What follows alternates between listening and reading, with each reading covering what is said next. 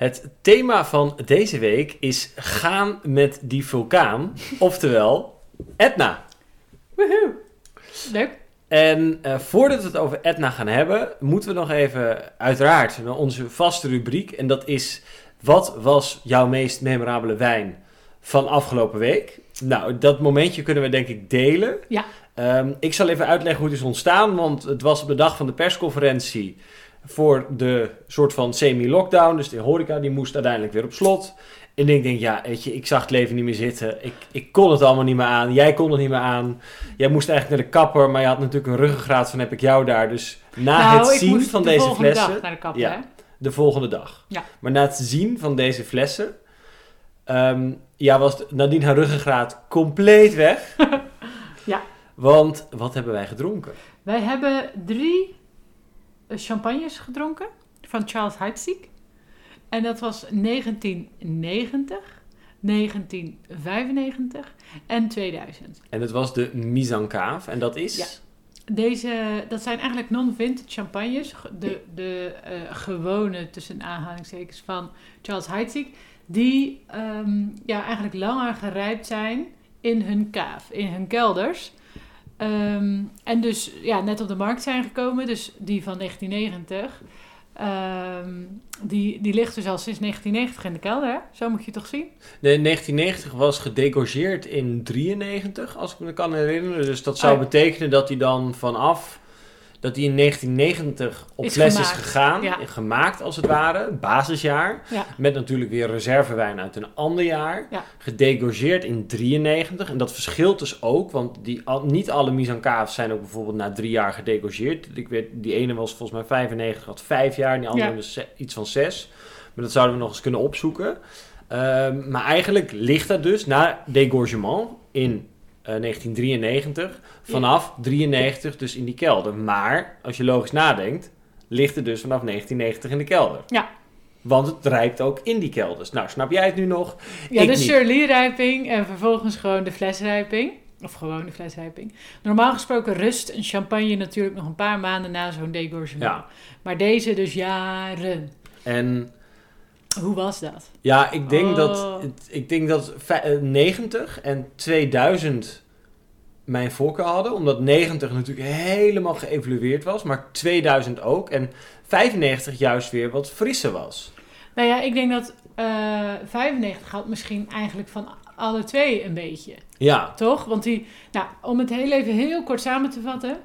eh, 1990, dat was gewoon echt... ehm, gingerbread, Ja, gingerbread, maar banket, bakker. Wat hadden we allemaal? vers Abrikozen, afgebakken croissantjes. ja, abrikozenbroodjes die je met. Pasen krijgt. Eh, maar we hadden ook heel erg dat umami. Ja, Dat, maar dat kwam soms weer een beetje zo, kwam dat er weer doorheen. En dan was het weer de banket. En dan stond je wel weer in de, in de umami paddenstoelenbar.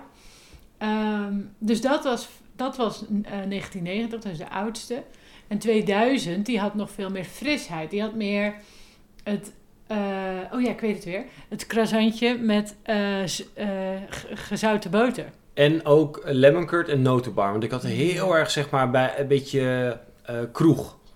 Ja. Oh, Rijk, mooi. geëvalueerd. Och, Nou, en die 95, eh, die zat er eigenlijk tussenin.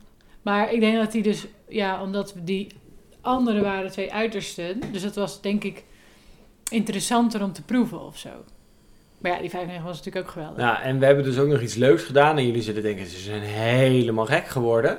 We hebben dus eh, van elke champagne eh, dezelfde hoeveelheid in het glas met elkaar geblend. Dus we hebben dus een multi-vintage blend gemaakt van al de drie de champagnes. Ehm, wat op zich helemaal niet raar is als je gewoon nadenkt over het feit dat champagne, althans non-vintage, en de meeste andere champagne altijd een blend is. Ja. Dus blenden eh, creëert een bepaalde consistentie, harmonie in een wijn, waardoor dat een heel mooi element is. En waarom kan je dus ook niet blenden met een wijn die al gebotteld is? Nou, dat vo- ja, als je dan de kans hebt om deze drie extremen te doen. En eh, ja, moraal van het verhaal en conclusie, dat is eigenlijk gewoon fucking lekker. Oh, het was geweldig. Nou ja, en dat, eh, ja, dat hebben we dan, eh, hebben we de, de persconferentie ook gekeken. Met Ja. deze wijnen erbij. En dat was ook heel snel weer vergeten. Ja. Dat ging eigenlijk wel goed. Ehm, Oké, dus dat was ons wijn van de week. Nou, om het even maar gelijk eh eh, toon te zetten.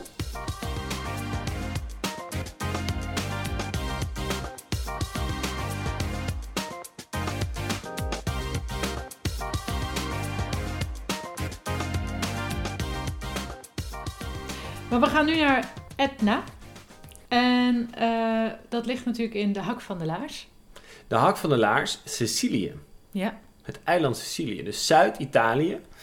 En ehm, nou ja, Sicilië is wel grappig om even aan te stippen. We gaan het, Etna is onderdeel van Sicilië. Maar er gaat ooit nog wel een keer een podcast komen over Sicilië. Ook omdat dat, zoals jullie waarschijnlijk al in een van de voorgaande podcasts een keer hebben kunnen luisteren, een examenvraag was op mijn eh, examen van de WZ vorig jaar. Nou, dat mag je het eigenlijk tegenwoordig niet meer hebben. Dan staat weer een of andere straf op. Nou ja, dat kunnen ze toch niet controleren, want ze verstaan geen Nederlands. Ehm, maar het is allemaal ingewikkeld. Maar dat ging dus ook over de inheemse druivenrassen van Sicilië. En ik baal eigenlijk ontzettend nu achteraf gezien. Want ja, net zoals ik al heel vaak heb gezegd, de obsessie van de sommelier. Maar Etna is een van die fascinaties. En als je dit hebt ontdekt, als je dit hebt geproefd, dan wil je eigenlijk weer terug. Ja, nou, ik vind het wel eens wel leuk, want we hebben dus nu een beetje het ehm, idee om, om om de beurs wat meer research te doen. Dus vertel mij maar eens, want dit keer heeft eh, JJ in de boeken gezeten. Hoe zit dat eh, met de geschiedenis van Etna? Ik kan me zo voorstellen dat de Grieken hier een rol hebben gespeeld. Nou, wat een fantastisch bruggetje. nee, het, eh, je kan ehm, de wijnbouw op eh, Sicilië en Etna terugleiden tot aan het oude Griekenland. Mhm. Ehm, en dat gaat ongeveer zo'n 3.500 jaar terug. Oeh, ja, dat Dus dat is, dat is best wel een tijdje. Eh, vervolgens hebben we ook nog eens eh, de Romeinen gehad. En de Romeinen die zagen dit ook echt als een soort van superklappers van wijnen. Ehm, en eh, ja, door die Romeinen ook, die dat fantastisch vonden, ging dat allemaal maar door. Waren ze maar continu aan het pieken. Mhm. Maar op een gegeven moment ehm, is Etna zeg maar verworden tot slechts een voetnoot van de Italiaanse geschiedenis.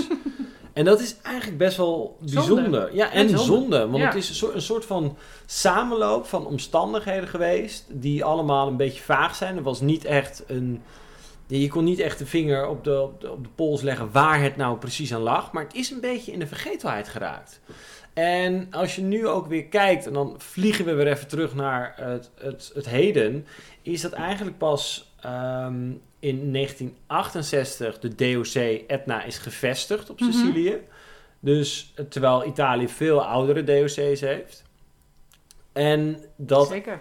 dan zou je zeggen, nou ja, in 68 die DOC is gevestigd, dan zal het wel vanaf dan zijn gaan lopen. En dat is ook nog niet het geval.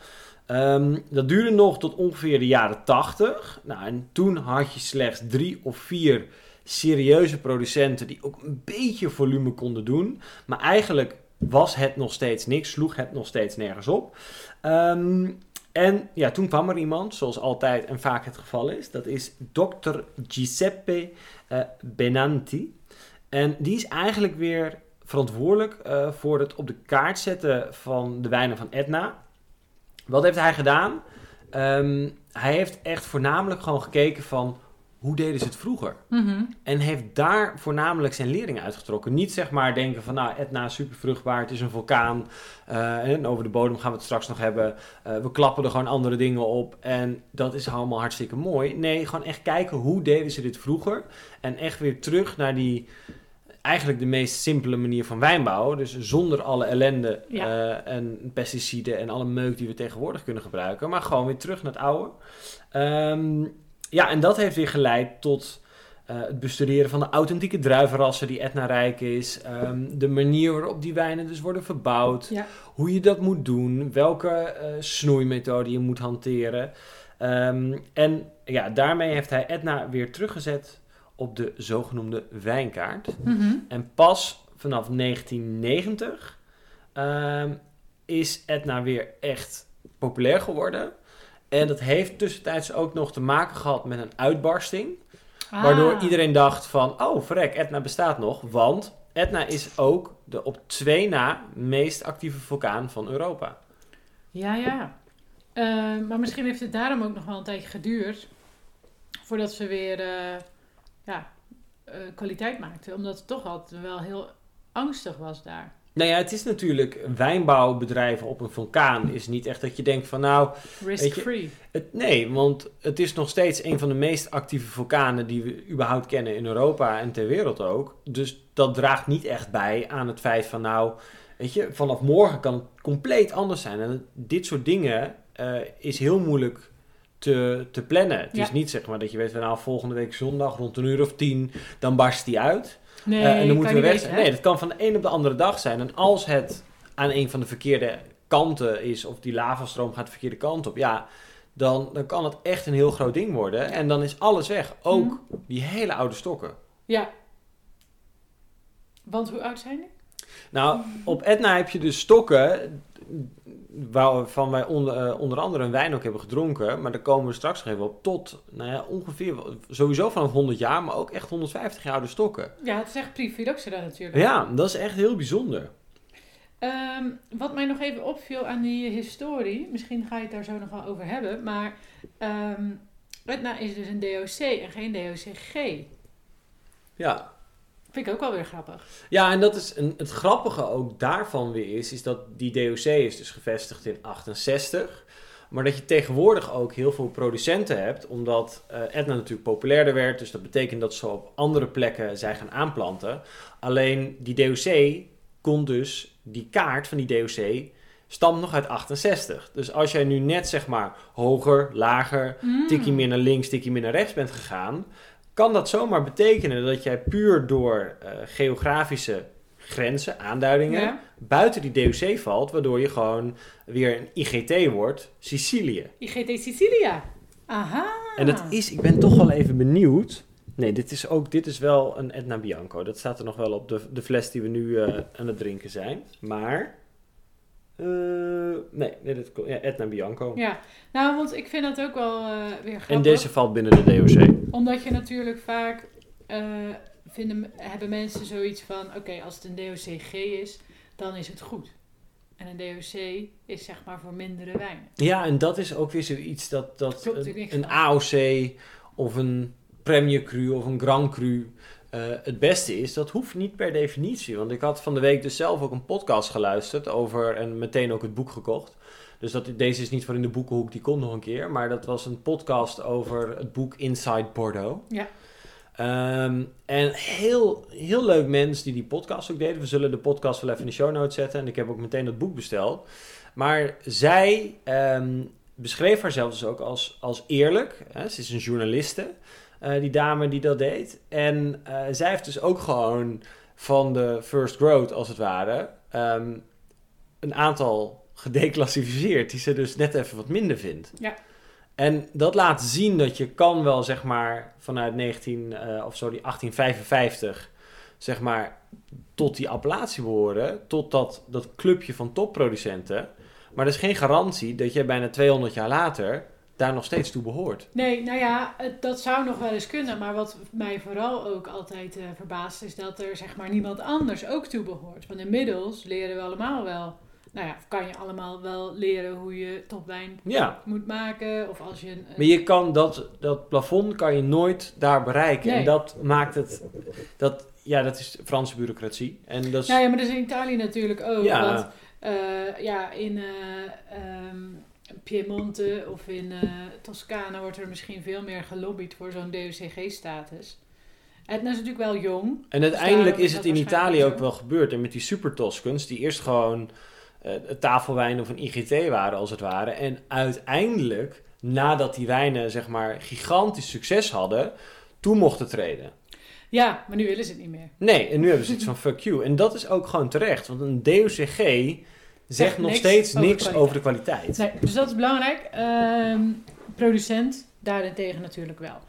Oké, we hebben de history gehad. Dan gaan we naar het klimaat. Ja, als je kijkt naar. Sic- we kijken eerst even naar Sicilië als eiland. Ja. Nou, over het algemeen, eh, het hele eiland Sicilië heeft een mediterraans klimaat. Ehm, Sicilië is daardoor ook uitermate geschikt voor bulkwijn. En dat is ook waar Sicilië heel lang ook gewoon bekend om heeft gestaan. Ook Sicilië is onder andere verantwoordelijk geweest voor de wijnplas. Mm. Het hele grote overschot aan wijn in Europa. En welke producent zou daar een grote bijdrage hebben gespeeld? Nou, ik denk dat Planeta Ja, denk ik. daar wel een beetje wat van, eh, van weg heeft. Ja. Eh, Planeta is dus gal en gal. Ehm, maken op zich echt best leuke wijnen. Alleen ehm, eerst ook... Nou ja, die zijn ook wijn gaan maken van niet inheemse druivensoorten. Chardonnay, Merlot, Cabernet Sauvignon, Shiraz. Zeg maar al, alle dingen die gewoon niet thuis horen op Ja. Sicilië. Kijk, Nero d'Avola wel. Dat is typisch en inheems voor Sicilië. Ja. Maar, en daar kan je ook echt iets moois van maken. Alleen, Merlot van Sicilië, ja, Ja, maar zij hebben natuurlijk gewoon superveel gemaakt en konden met dat geld van die, van die soort van bulkwijnen natuurlijk wel een beetje dat eiland op. ja en daardoor zijn ze natuurlijk ook wel verantwoordelijk voor een imagoverbetering van Ja, Sicilië. dus hoe je het ook bent of gedaan. Dus ze hebben zeer zeker ook iets goed gedaan. Nou, Mediterraans klimaat is veel groeit er redelijk makkelijk. Ehm, Warm, denk ik ook wel. Ja, warm. En dan moet je naar de Etna. En Etna is eigenlijk ingewikkeld. Ehm, net als Bourgogne, dat is ingewikkeld. Ehm, waarom is Etna ingewikkeld? Nou, Etna zelf, de vulkaan, is 300, eh, nee, sorry, 3330, 3330 meter ja, hoog. ja, ik Ja, heb het hier. Het ja. is even pittig. Ehm, Nee, maar is- Alleen, je hebt dus heel veel verschillende microklimaten. Dat heeft allemaal te maken met de Noord, Zuid, Oosthellingen ehm, van de vulkaan. Ja. En de invloed ook weer van de zee op dat specifieke stukje. Dan heb je ook nog ehm, het verschil in dag- en nachttemperatuur. Dus diurnal range vanuit Ja. het WZ-boek. Nou, dat verschil in dag- en nachttemperatuur kan soms zo extreem zijn dat het wel 30 graden per dag kan verschillen. Ja. En wat weten we dan? Dan weten we dat de zuren beter behouden blijven omdat de druiven minder snel rijpen. Ja, dus dat gaat heel langzaam, heel Positief. gestaag. Wat ik dus ook wel grappig vind, is dat je in de eh, winter kan skiën. Ja, dat is, dat is dus bizar. Want Etna, daar, daar valt dus gewoon sneeuw. Ja, En als je dan kijkt ook, wat ook heel erg be- van belang is, ehm, is kijk, al die wijngebieden, en ook als je de, de World Atlas of Wine erbij pakt, ja, dan zie je gemiddeld aantal regenval, gemiddelde temperatuur. ja, ja. ja. Kijk je naar Etna, dan zegt het boek van, ah, ah, ehm, Etna is zo extreem, het loopt zo groot uit elkaar, dat de regenval en de gemiddelde temperatuur eigenlijk niet echt tot een gemiddelde kunnen komen, omdat het zo extreem kan verschillen. Het ene jaar kan het gort droog zijn, terwijl je het andere jaar alleen maar regen hebt. Hmm. Ehm, dus dat is ook wel weer heel interessant. Eh, wat je dan nog meer hebt, is de zuidelijke helling van eh, de vulkaan zijn over het algemeen wat warmer Ja. dan de oostelijke en noordelijke hellingen. Ja, want Nou, dan zit je gewoon natuurlijk heel de dag in de zon. ja, dus ook wat betekent dat die druiven daar wat eh, rijper worden. En bijvoorbeeld de druiven van Etna, daar komen we straks ook nog op terug. Hè, Nerello Mascalese. ehm, die heeft best wel wat tijd nodig ook om rijp te worden. Als die niet rijp wordt, dan blijft hij ook gesloten. Ehm, en dan heb je ook nog iets anders wat heel interessant is. Dat is de hoogteverschillen van de wijngaarden zijn natuurlijk ook van invloed op de temperatuur en het groeiproces van de druiven. Want je hebt daar wijnbouw tussen de, nou ja, laten we zeggen, de 200 en 1000 meter hoogte als de Mhm. ultieme grens. Mhm. En eh, het meest superieur, of eigenlijk het beste, vind je tussen de 6 à 800 meter. Ja. ja, want dan pak je toch weer wat van die koelte. Ja, alleen elke 100 meter die je stijgt eh, qua hoogte gebeurt er ook wat met de temperatuur. Die Ja. zakt, waardoor het nog langer duurt. Uiteindelijk druiven ook langzamer rijpen. En dat is natuurlijk supergoed. Ja, ja, want de diurnal range wordt natuurlijk ook weer groter als Ja. je hoger op de berg zit. Dan is het overdag natuurlijk wel warm, maar s'nachts koelt het dan weer enorm af. Ehm, wat hebben we aan de bodem hier? Dat vulkanische gesteente. Heeft dat nog een eh, voordeel? Ja, dat vulkanisch gesteente, wat onder andere ook ehm, voortkomt uit eh, erupties en lavastromen. Ja. Eh, dus je hebt ook, eh, het- is, je hebt hele moeilijk bewerkbare grond door harde rotsen. Mhm. Maar je hebt bijvoorbeeld ook zandgronden met ehm, as van zeg maar de lavastromen. Ja. die makkelijk waterdoorlatend zijn, dus die Mhm. niet echt veel vocht vasthouden. En uiteindelijk is, eh, en dat is algemeen bekend, is dat eh, vulkanische ondergronden heel vruchtbaar zijn. Ja. En dus daarom is onder andere ook wijnbouw hier mogelijk. Alleen het is ook weer niet de meest vruchtbare grond eh, die er te vinden is. Nee, ja, er zitten wel wat, er zitten wel van sommige dingen, er zitten wel wat stoffen in, maar andere dingen komen weer tekort of zo, Ja. toch? Dus het is niet per se super vruchtbaar of dat, dat het heel wilderig kan groeien. Nee, en dan heb je ook nog, zeg maar, dat het ervan afhankelijk is aan welke kant van de berg je natuurlijk ook weer zit. Ja. Of van de berg, van de vulkaan. Nou ja, ze noemen het zelf ook wel een berg, dus dat mag ook. dus, dus dat heb je ook. Ehm, en met name dus die eh, zandondergronden. ehm, dat is op zich wel makkelijk eh, of leuk, eh, want welk ongedierte of ongedierte, welk, welke verschrikking in de wijnwereld is verantwoordelijk voor zeg maar de destructie van het eh, meeste wijngaardarenaal ter wereld? Phylloxera. Phylloxera. En Phylloxera gedijt niet in zandgronden. Nee, want dat is dan natuurlijk wel weer vrij arm. Dat is hartstikke arm. Ja. Dat heeft he- heel weinig mineralen. Dus daarom moeten die stokken natuurlijk ook, eh, die wortels moeten dieper en dieper en dieper gaan. Moeten harder werken, eh, waardoor over het algemeen de volumes ook niet giga hoog zijn. Ja, want je hebt dan dus, begrijp ik het goed? Misschien niet hoor, maar correct me if I'm wrong. Je hebt dan dus de, die, die zanderige bodems, maar je hebt ook vulkanisch gesteente. Ja, en in principe is alles ook wel dat vulkanisch gesteente, maar met zo'n laagje.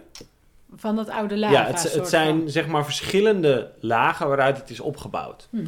En dat heeft natuurlijk ook weer te maken met de erupties die eh, over tijd hebben plaatsgevonden. Ja. Waardoor eigenlijk het terroir letterlijk in beweging is. Oh, wat mooi. Ja.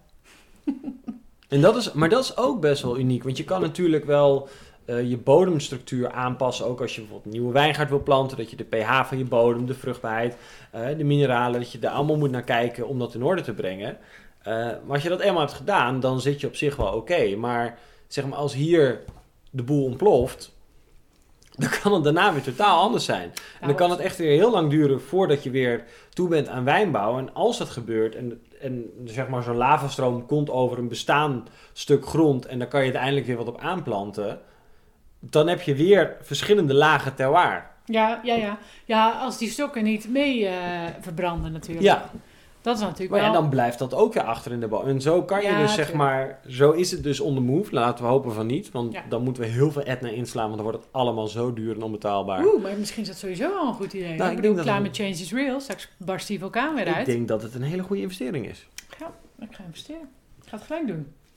Ehm, maar ja, dus we hebben eh, dus eh, ook stokken die pre-phylloxera zijn. Ja. Nou, we hebben daar onder andere een wijn van geproefd, eh, die we straks nog even uitleggen van Terrenere, de. Etna Rosse. Sowieso topproducent. Echt amazing. Maar ik denk dat we ook even naar die snoeimethode moeten voordat we naar de AOC of de DOC-wetgeving gaan. Want dat past wel goed hierbij. Want op die ehm, hellingen van de Etna ehm, zie je doorgaans niet het plaatje wat je bijvoorbeeld ook ziet op de hellingen van Bourgogne.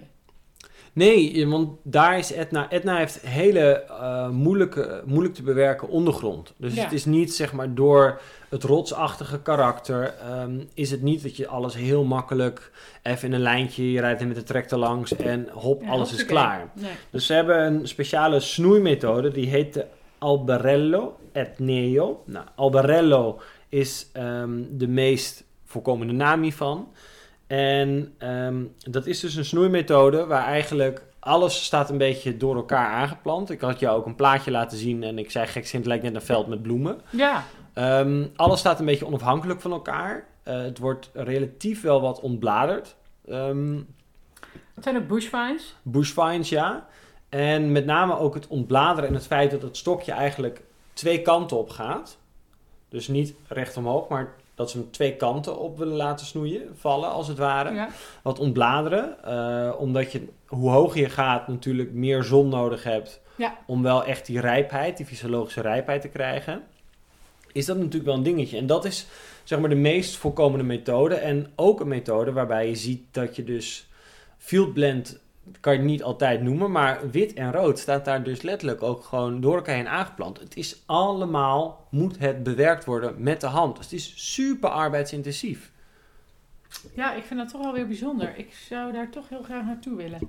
Ja, dat is, ja maar het is, het, is, het is rood of oranje op dit moment, dus dat kan niet. Nee, dat gaat niet door. Maar oké, dus dit is de. Is dit echt de meest voorkomende snoeimethode? Of is dit gewoon de snoeimethode die er van oudsher is? Van oudsher. Dit is, wel, dit is hoe ze het eigenlijk vroeger deden. Ja, en die zie je En- nu nog misschien in de oude wijngaarden of zo. Nee, dit, dit is best wel, best wel eh, veel voorkomend. Kijk, je hebt natuurlijk ook wel, eh, zoals alles, ehm, wat meer geïndustria- geïndustrialiseerd. Ja, Eh, dus dat het wat makkelijker is, dat je er met de trekker door kan. Dus er zijn ook wel wijngaarden zoals wij die kennen. ja, niet alles is zo, maar hoe hoog je gaat, hoe moeilijker het wordt. ja, tuurlijk. Eh, en wat je daardoor ook ziet zijn, als het ware, een soort van terrassen.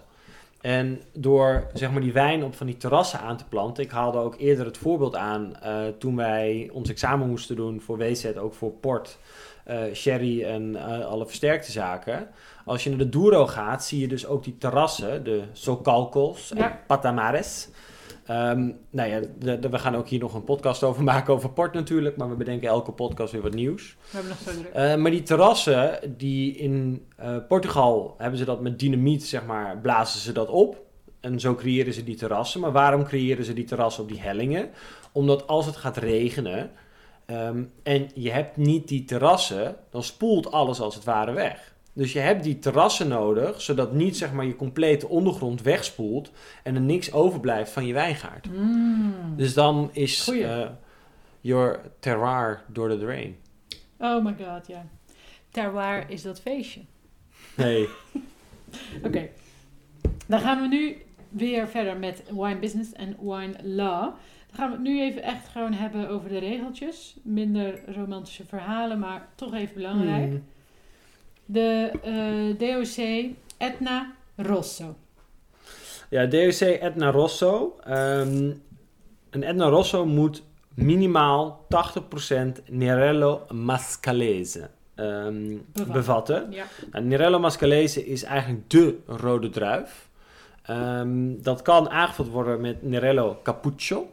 Ja, Je ik noemde dat dus altijd cappuccino. Ja, nou, ik zag dus ook, toen ik onderzoek aan het doen was, zag ik dus ook een blog. En daar- toen dacht ik, huh? Noemen ze het wel cappuccino? Maar het is Nerello Cappuccio. Ja, cappuccino. Ja, dus ik dacht van, nee, dat was weer, waarschijnlijk weer zo'n omhooggevallen blog, zodat hij het weer niet snapt. Ja. Die was dus ik zelf een cappuccino aan het klappen. Ehm, maar het is dus Nerello Mascalese die aangevuld, worden, eh, aangevuld mag worden met Nerello Cappuccio. Ehm, over het algemeen zal eh, de meeste Etna Rosso's bevatten dus ook het echt het grootste gedeelte, ook meer dan 80% eh Nerello Mascalese. Ja. Want Nerello Cappuccio heeft wat minder zuur en meer kleur. Dus het wordt meer geblend voor kleur en wat smaak dan dat het zeg maar echt nog iets Dus- extra's toevoegt. We kunnen misschien hieruit concluderen dat Nerello Cappuccio sneller Caputski gaat. Je, ik, eh, als ik de literatuur mag geloven, ehm, zijn er ook weinig mensen die een monocepaars van Nerello Cappuccio maken. Oké. Mhm. Minder zuur, minder interessant. Ja. En als het niet goed rijp is, ja, dan is het helemaal niet leuk. Eh, dus dat. Dan hebben we de Etna Bianco. Nou, die moet minimaal 60% eh Caricante bevatten. Maar net als bij eh Etna Rosso, over het algemeen bevat die dus meer. Ja, en Ca- eh, Catarato. Zat ik aan te denken. Nee, Cataratto is ook eh, eigenlijk die andere typische witte druif van Sicilië. Maar niet zozeer voor de Etna. Nee, nee, maar die zie je wel ook in de blend, maar niet voor Etna. Caricante is zeg maar echt de witte druif Mhm, van Etna, mhm, die mhm. dat smoky, flinten, eh, mineralen, Leuk, bijna ja. ziltig, hartige, umami-achtige karakter geeft. Ja. Eh, en Cataratto zal wat meer aroma geven, eh, wat meer fris. Ehm, maar staat ook zeer zeker aangeplant, zit ook zeer zeker in de blends. Ehm, Maar is niet de hoofdrolspeler. niet de hoofdrolspeler. En dan hebben we nog de term superiore. Ja, bijvoorbeeld een Etna Bianco Superiore. Nou, dat is een subzone die ongeveer zo'n eh, 7 op zo'n 700 meter hoogte ligt eh, op de oostelijke helling. Ehm, die gezien wordt als superiore. Dus eigenlijk een soort van Premier slash Grand Cru. Ehm, maar wel weer een specifiek gebied. Dus het is niet zeg maar dat je overal zeg maar een Etna Superiore Nee. kan maken. Want dat zie je bijvoorbeeld wel weer eh, in delen van, grote delen van Bordeaux. Als je dan, eh, volgens mij is het alcoholpercentage moet dan wat hoger liggen. Mhm. En dan heb, mag je superieur achter, achter de naam zetten. Maar hier heeft het dus ook nog wel, is het wat gebiedsspecifieker. Ja, Akkoord. En dan hebben we Reserva, eh, dat is dus houtrijping. ja, minimaal één jaar. Ja. En dan heb je nog wel een dingetje, want ehm, je hebt dus ook nog de topwijnen. Maar die, wonen, die worden dan weer anders gelabeld met eh Contrada op de naam. Ja, contrada is dus het eh, Italiaanse woord, of Siciliaanse woord misschien, voor cru. Ja, daar komt het in ieder geval bij Etna wel op neer. Nou, hoe werkt dit in de theorie? Eh, de naam van de cru wordt dan op het etiket gezet. Bijvoorbeeld ook, zoals dat in de Bourgogne wel gedaan wordt. Ehm, de wijnen moeten dan ook voor 100% uit die regio komen. Ja. Ehm, en ik, zal, ik had daar dus een heel mooi voorbeeld van. Bijvoorbeeld eh, als we kijken... Ik zal het er heel even bij pakken. Ja, ja, ja. Terrenere. Ehm, de naam van de cru is de naam van de contrada. Dus Terreneres Caldara, Cal, Calderana, Mhm. Calderara. Kijk, Italiaans is best moeilijk. Rara. Ja. Calderara, Ja. eh, Sotana of Giuseppe Russo's San Lorenzo. oh, San Lorenzo. Kijk, ja, en dan die zeg ken je ik. en dat is dan als het ware je cru. Dus dan weet je, dus dan weet je ook, het is eigenlijk single vineyard. Ja. Ja. En 100% van dezelfde druif van dat specifieke gebied. Oké, nou, leuk bruggetje naar de druiven. Want dan gaan we toch nog eventjes iets dieper in op die Nerello Mascalese. Vind ik wel leuk. Want dat kan ook heel goed dus een examenvraag zijn. Hè? Van Ride About Assyrtiko. Ride About Monastrel from Jacla. Nou, Jakkers. Jakkes zou ik dan opschrijven. Of Ride About Chardonnay from Napa. Weet ik veel. Dus het is heel belangrijk om die druiven ook goed in je hoofd te krijgen. Nou, de bekende kennen we misschien wel. Kunnen we wel een draai eh, aangeven. Maar Nerello Mascalese, ja, als je daar toch echt even een, een A4'tje over moet schrijven. Ja, dat, dat, is bij, dat denk ik ook wel heel moeilijk. ja, Ehm, maar ja, Nerello Mascalese noemen ze ook wel gekscherend eh, de, de Pinot van Italië. ja, ja, ja. Want waarom is die druif zo geweldig? Nou, dat rijpen gaat over het algemeen langzaam. Nou, we hebben, we hebben aan het begin al gezegd, rijpt iets langzaam is goed voor het behoud van smaak, maar ook voor het behoud van de zuren. ja. Ehm heeft op zich een mooie tanninestructuur, maar met name dat zuur geeft die wijn waanzinnig potentieel. Het Ja. heeft, kan iets rokerigs. Het, het, kijk, je kan zeggen, je proeft het terroir niet terug in de wijn, want dat kan ook niet. Je kan niet letterlijk de bodem erin terugproeven, maar wel zeg maar de structuur van de bodem, de condities en het hele microklimaat met zijn extreme leidt wel tot hele sappige, gulle eh, wijnen met dat kersenfruit, maar ook framboos, wilde aardbeien. Het kan iets floraals hebben. Ja, ja. Ehm, Balsamico lees ik ook. ja, het, ook een beetje dat hartige, hè? dat echt die, die umami-achtige dat smaken. Nou ja, en dat associeer ik dan ook wel een beetje met het rokerige en die vulkaan, weet Ja. je wel. Dat maakt het dan ook weer zo leuk. Nou, ik vind ook dat als een wijn of als een druif die hoge zuurgraad heeft, dat, dan maakt het ook weer dat het eleganter wordt. Ehm Nerello Mascalese, als je het moet vergelijken met, eh, met Pinot Noir, zou ik zeggen dat doordat hij wat dikkere schil heeft, heeft hij vaak wel iets meer tannines dan, eh, dan, dan een Pinot. Ehm, maar ja, het is zeker een, eh, een wijn die je lang kan, kan ouderen. Ehm, ik vind het he- heel erg leuk. We gaan zo ook nog eventjes wat proeven. Maar laten we ook even naar de Nerello Cappucci, Cappuccio, Cappuccio. eh, gaan. Dat is dus de, de blending grape, zoals we net al zeiden. Mhm. Eh, die kleur en fruit toevoegt. Ja, en dat is het. Je, Ja. Ziet, ja, je ziet eigenlijk 10 tot 20 procent, dat is het maximum. Eh, en dat geeft vaak ook wel aan ehm, waarom. Omdat het, het moeilijk is om op, zich, hel- om, om op zichzelf staande wijn hiervan te maken. Ehm, en ja, als het, het komt dus wel voor. Ehm, maar ja, ja, dat kan, en dan kan het goed zijn, maar dan moet je goede producent hebben. Wij hebben het helaas nog niet kunnen proeven. Nee, Uh, maar het is wel, het is gewoon interessant. En net zoals uh, Sparkling Etna, Wat we ook nog steeds niet hebben Ja, geproefd. dat hebben we dus gelezen in de Sommeliers Atlas to Taste. Blijft een van onze favoriete boeken. Daar staat dus een klein paragraafje over Sparkling Etna. Dus Ben, of ken Ja. jij iemand die Sparkling Etna kent, weet waar wij dit kunnen bestellen? Of wil het wellicht sponsoren? Wij willen dit zo ontzettend graag proeven. Ja, want dan Ehm, heb je gewoon echt, eh, weet je wel, dat, dat, heeft ook, dat spuit dan ook het, de fles uit. Net als die vulkaan. Het is- Geweldig. is geweldig. Oké, dan hebben we nog Caricante, de witte ster. Ja. Wat, eh, hoe zou je die vergelijken? Mm, Of is die onvergelijkbaar? Ongeëvenaard. ja, ik, wij maken zelf wel eens de vergelijking met Chablis, maar dat heeft, Ah, heeft ja. met name zijn betrekking op eh, gewoon Etna Bianco. Ja, misschien ook gewoon Ehm, het terwaar gedrevene ervan. Ja, ik vind, ik vind die Caricante heeft gewoon fantastische zuur. Dat rokerige, minerale karakter. Het is ehm, echt ja, smoky als het ware. Maar ook die umami-tonen heb je ook hier weer. Ehm, ja. Maar kan Welke ook... drinken we nu? We Misschien leuk om dat even te vertellen. ja, we hebben dus eh, van eh, drie wijnleveranciers eh, de wijnen. We hebben van Smaragdwijnen de SRC. Ehm, en dat is wel heel erg tof. Dat heeft Martijn namelijk ooit een keer ontdekt ehm, op een van zijn reizen.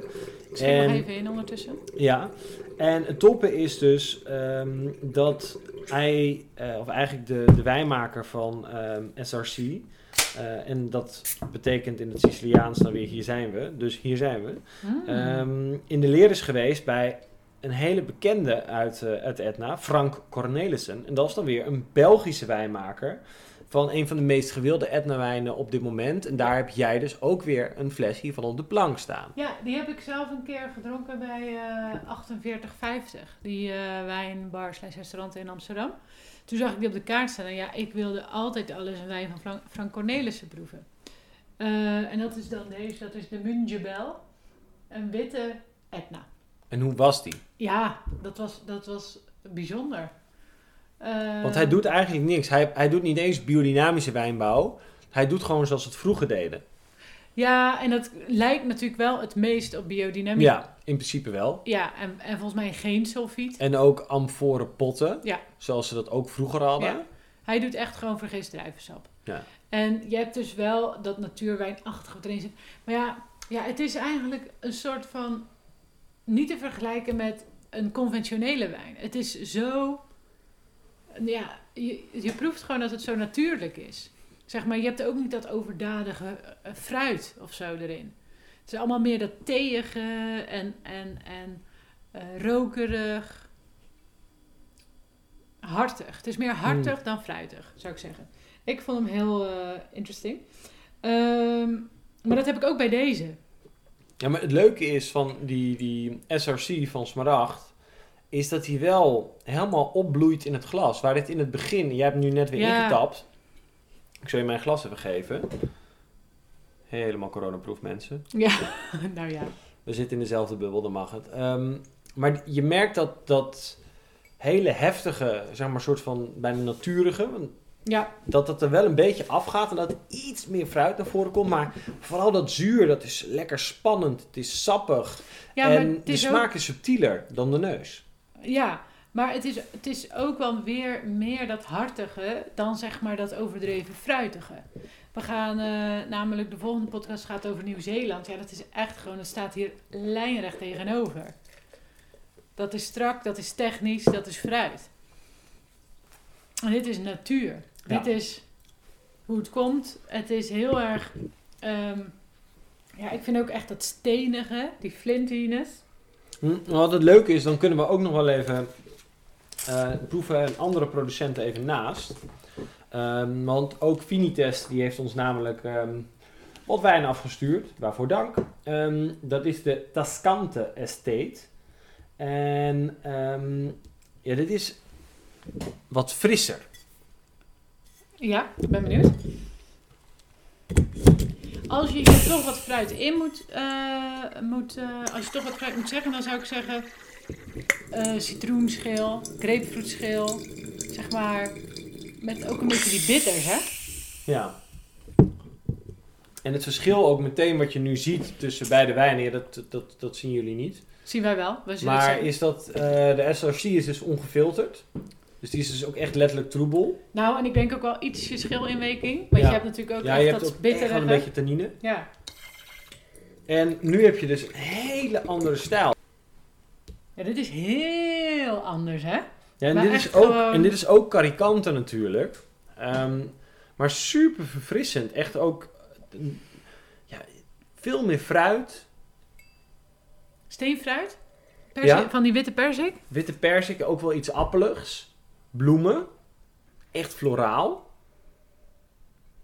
En het grappige is dus dat je, het zijn gewoon, en dat, dat maakt het ook weer leuk, is dat het twee compleet verschillende stijlen zijn. Ja. En dat maakt Etna ook gewoon zo ja, divers als het ware.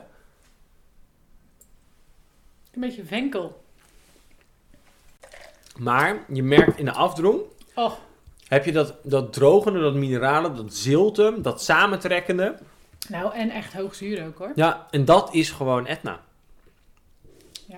Ik vind het echt leuk. Mhm. het, is, het is ook gewoon.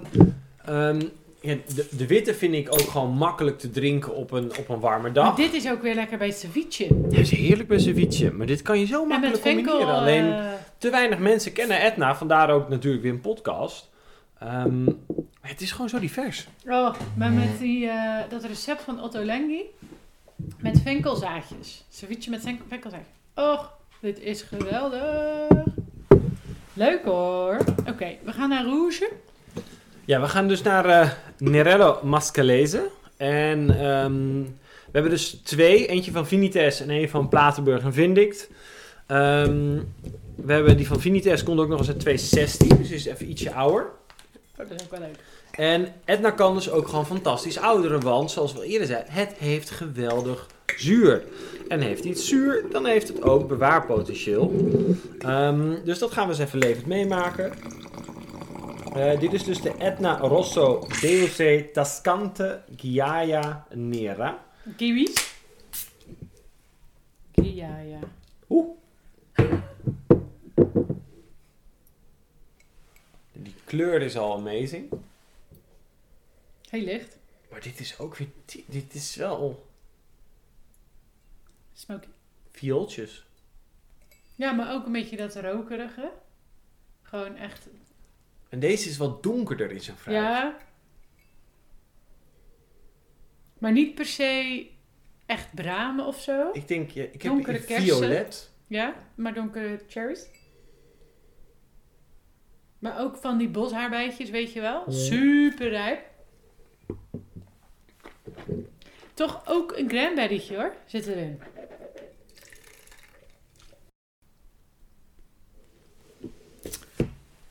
Ja, heerlijk. Nou, we zijn, ja, we zijn er gewoon even stil van. Nou, dan klappen we nu nog even de laatste erin. Ehm, en die is dan van eh, Platenburg en eh Vindict. Dat is de Terreneren. Waar we dus ook al eens de Prey Phylloxera van hebben geproefd. Die Ja. amazing was. Die we wel de hele avond in de karaf gezeten. Eh, want Etna wijnen zijn ook wel gebaat bij lucht. Nou, en dit was natuurlijk daar 2018. Ja, het was veel te jong. Die was eigenlijk Ja, het was echt kindermoord, maar het was wel heel goed. Nou, en als je hem dan gewoon in karat doet, dan gaat dat prima, vind ik hoor. Ja, voor 150 jaar oude stokken. En nu gaan we dus even naar een andere producent. Dit is Terreneren. Dit is Terreneren. Eh, en deze is ook 2018, maar dit is hun nou ja, eigenlijk instap. Dus euro of 17 in de winkel. En hier heb je toch, het is ietsje zwoeler. Nou, ja, maar ik vond die eh Tascante, die we net hadden, dat was wel wat, wat donkerder fruit. Ja, dit is wel wat bosaardbei, een beetje frambozen, jammig als Ja. het ware. Maar wel echt meer de categorie rood fruit dan Ja. zwart. Ja, en die framboosjes zeker. Nou, ik vind dit gewoon echt, ik blijf dit een heerlijk glas vinden. Maar ik vind En- dit ook heel aards of tijm of zo. Het is ook wat kruidigs. Nee, het salmiak misschien, Hm? subtiel, maar dan iets...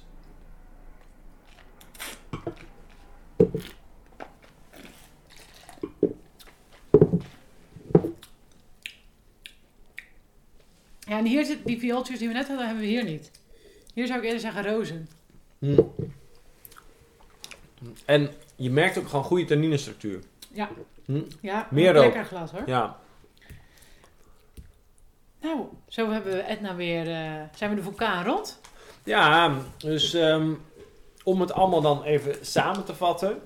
Nou, Etna is dus echt de verrassing van Italië. En ook zeg maar hetgeen ehm, wat heel veel toekomst heeft in Italië. Eh, zowel rood als wit. eh, met of zonder houtlagering. Sappig, gul als een fruit. Goede zuren.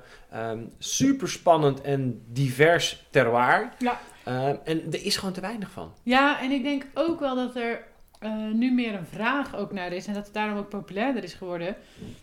Of dat heeft natuurlijk met elkaar te maken. Maar we komen natuurlijk uit een tijd waar echt die full-bodied wijnen met veel hout en alles. Dat dat heel populair was. Dat zie je nu niet meer. Iedereen gaat ook veel meer ingetogener wijn maken. En dit leent zich daar natuurlijk ook Mm. perfect voor. Dus als jij van bijvoorbeeld Bourgogne houdt of van... eh, Chablis. ja, voor wit, ja.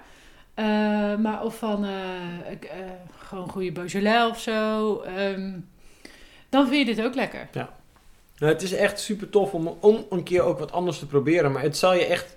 Ik denk dat je er echt wel van overtuigd bent. Dus ga Ja. op zoek naar een leuke Etna-producent. Wij zetten deze die we hebben geproefd allemaal in de show notes. Kan je ze wellicht ook gewoon bestellen. Want Ja. ze zijn ook gewoon echt tof.